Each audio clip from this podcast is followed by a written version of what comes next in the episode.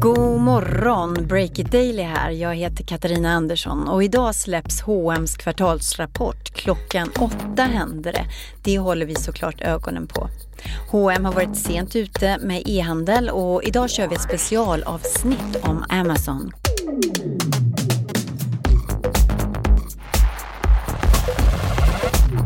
Amazon giganten som slukat nästan halva handeln på nätet i USA. Och länge har ryktena snurrat. När kommer Amazon till Sverige? Vi bestämde oss för att ta reda på det.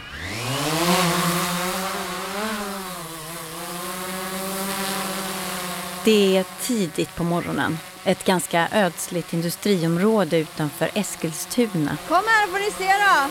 Tre entreprenörer stirrar med spänning på en drönare som just lyfter.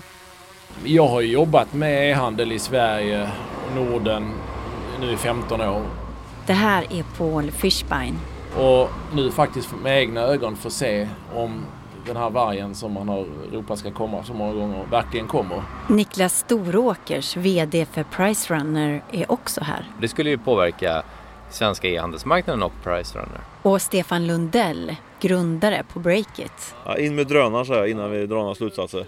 Det här är en hands-on operation för att ta reda på om världens mäktigaste e-handlare Amazon kommer till Sverige. Är det serverhallar som de bygger eller är det lager? Men vi tar det från början. Klockan är knappt sex på morgonen när Stefan Lundell plockar upp Niklas Storåkers och Paul Fishbein i sin ganska skräpiga bil. Tja! Tjenare! Jag var lite besviken att du inte har på dig kamouflagekläder eftersom du ska ut på en sån här operation. Operation Amazon. Stefan Lundell är förväntansfull. Försöka svänga runt bilen i riktning mot Västerås där Amazons första sajt ligger. Nej men jag har ju ingen kamoufla- kamouflagekläder men jag är fågelskådare så att jag har ju med min kamera med 83 gånger förstoring på. Ja men det känns tryggt. Ja, det, Det är tre sajter som trion tänker hinna med före lunch. Får du plats där Paul eller? Där ryktet säger att Amazon smäller upp sina byggnader. Första stoppet gör vi i Västerås. Vad ser vi här nu då? Ja, en väldigt stor byggnad i alla fall är det. Eh, väldigt anonym. Nu är klockan sju på morgonen så det är inte en person här. Eh, väl in, tilltagen infartsväg får man säga. Väldigt hög säkerhet med liksom eh, staket runt omkring va? Ja, nej men det är ju svart och lite gult och känns lite Amazon. Så det måste ju vara här. Måste gå vägen runt och kolla först. Ehm, Det är väldigt mycket sådana här ehm, kylaggregat på taket så väldigt mycket talar för att det är någon form av serverhall. Vi ser inte en människa och Paul Fishbein kikar in genom de höga gallren som omgärdar byggnaden. Det, det är lite grå, gråsvart, ganska massivt. Känns ganska omöjligt att klättra upp för det. Plötsligt är Stefan Lundell försvunnen. Stefan! Jag hittar honom i en byggbarack. Han försöker få tag på någon som kan ge honom information. Är det Amazon som bygger här? Men jag pratade med en städerska och hon säger att det är snart klart där. De är klara. Det är därför ingen som är här. Men städerskan vet ingenting, kan inte svara på några frågor. Ska vi dra vidare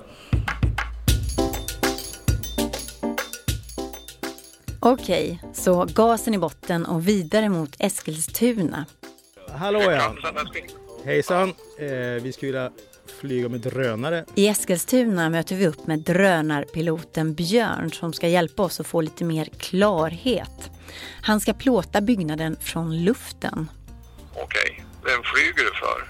Eh, jag flyger för eh, bland annat Breakit. Okej, men du, du flyger inte för Amazon? Nej, inte för Amazon. Björn ringer flygtornet. Det måste man göra om man är nära en flygplats och ska flyga drönare. De har ju skydd mot drönare tydligen. Känner du till det eller? Nej, jag känner inte till deras skydd mot drönare. Amazon har störningständer som hindrar drönare från att flyga in över området. Men drönarpiloten Björn tar risken och lyfter ändå. Men skulle du vilja se från andra sidan om det är några portar eller något? Du tänker du andra sidan där borta eller? Ja. ja. Ja, ta en bild på den. Vi får snygga bilder över området. Nu kommer du inte... Händer ingenting. Va? Nu händer ingenting. Men plötsligt fastnar drönaren i luften. Var är den någonstans? Den står uppe. Björn slår av GPSen och drönaren lossnar äntligen. Men vad, vad läskigt. Ja, men det är väl kul att de, utrustningen funkar för dem. Som sagt, det var spännande. Vilken dramatik. Vi har drönarbilderna nu, men inget på bilderna tyder på att det här är något annat än en serverhall. Det finns inga stora vändplatser för lastbilar inne på området. Vi ser inga lastbryggor heller.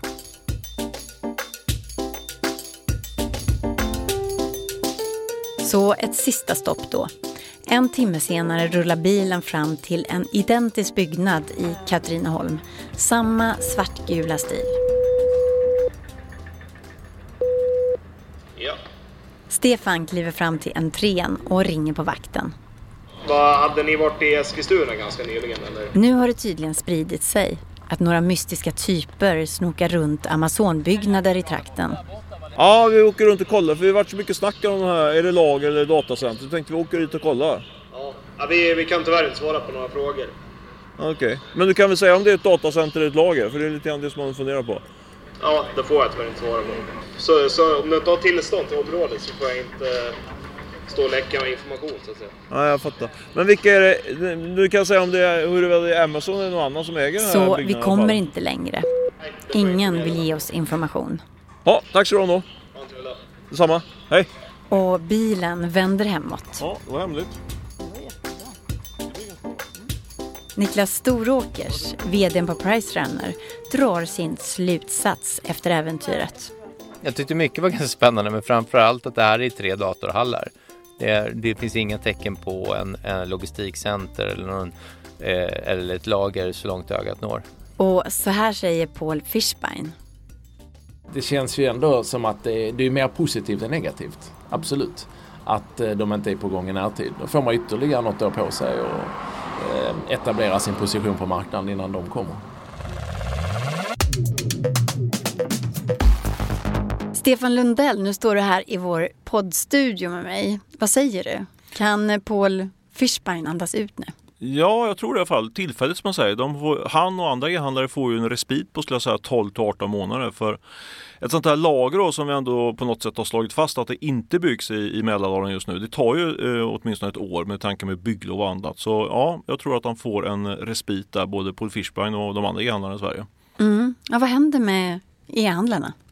Ja, de får ju som sagt en respit och kan bygga sin verksamhet eh, och bygga liksom murar kan man säga mot eh, Amazon ytterligare. Och eh, tittar man på e-handlarnas ägare så skulle jag säga att de sitter just nu på i en lite liten bättre sits än de gjorde innan vi gick på, åkte ut på den här lilla spionresan. För om man tittar på börsen så har, har det legat som en våt filt faktiskt över flera utav e-handelsbolagen på grund av det här hotet då, om att Amazon ska gå in nu i närtid. Det gör de inte nu verkar det som och det skulle faktiskt kunna skulle jag sticka ut hakan och säga att det kan bli en liten skjuts på aktiekursen för flera av de här eh, e-handelsbolagen. Jag tänker på Sportamore, Qliro, Boost, Footway. Men att Amazon kommer, det tror du ju. alltså det är bara en absolut. tidsfråga. Ja. Så vad behöver nu de svenska e-handlarna göra för att förbereda sig? Ja, men det är väl egentligen bara att jobba på som tidigare och eh, en, en stor fråga har ju varit eh, distributionen och eh, leveranstid och sånt. Det är något som man verkligen håller på att snappa upp. Amazon har ju på de marknaderna de aktiva eh, leveranser över dagen. Eh, det är väl någonting som jag tror att eh, svenska e-handlare bör eh, anamma. Det gör de ju också i viss mån. Och eh, nej, men egentligen är det bara att fortsätta gasa och eh, bygga sin, eh, sin position på marknaden så bra som möjligt så att man är redo då när Amazon kliver in då inom, inom eh, ett, vad ska vi säga, ett år eller sånt där. Mm. Och hela Stefan Lundells reportage om Amazon och den här Amazonjakten, det kan ni läsa idag på breakit.se. Och en tung analys också vill jag inflika. Du har lyssnat på Break It Daily med mig, Katarina Andersson. Ansvarig utgivare för den här podden är Olle Aronsson. Vi hörs imorgon om du vill. Hej då!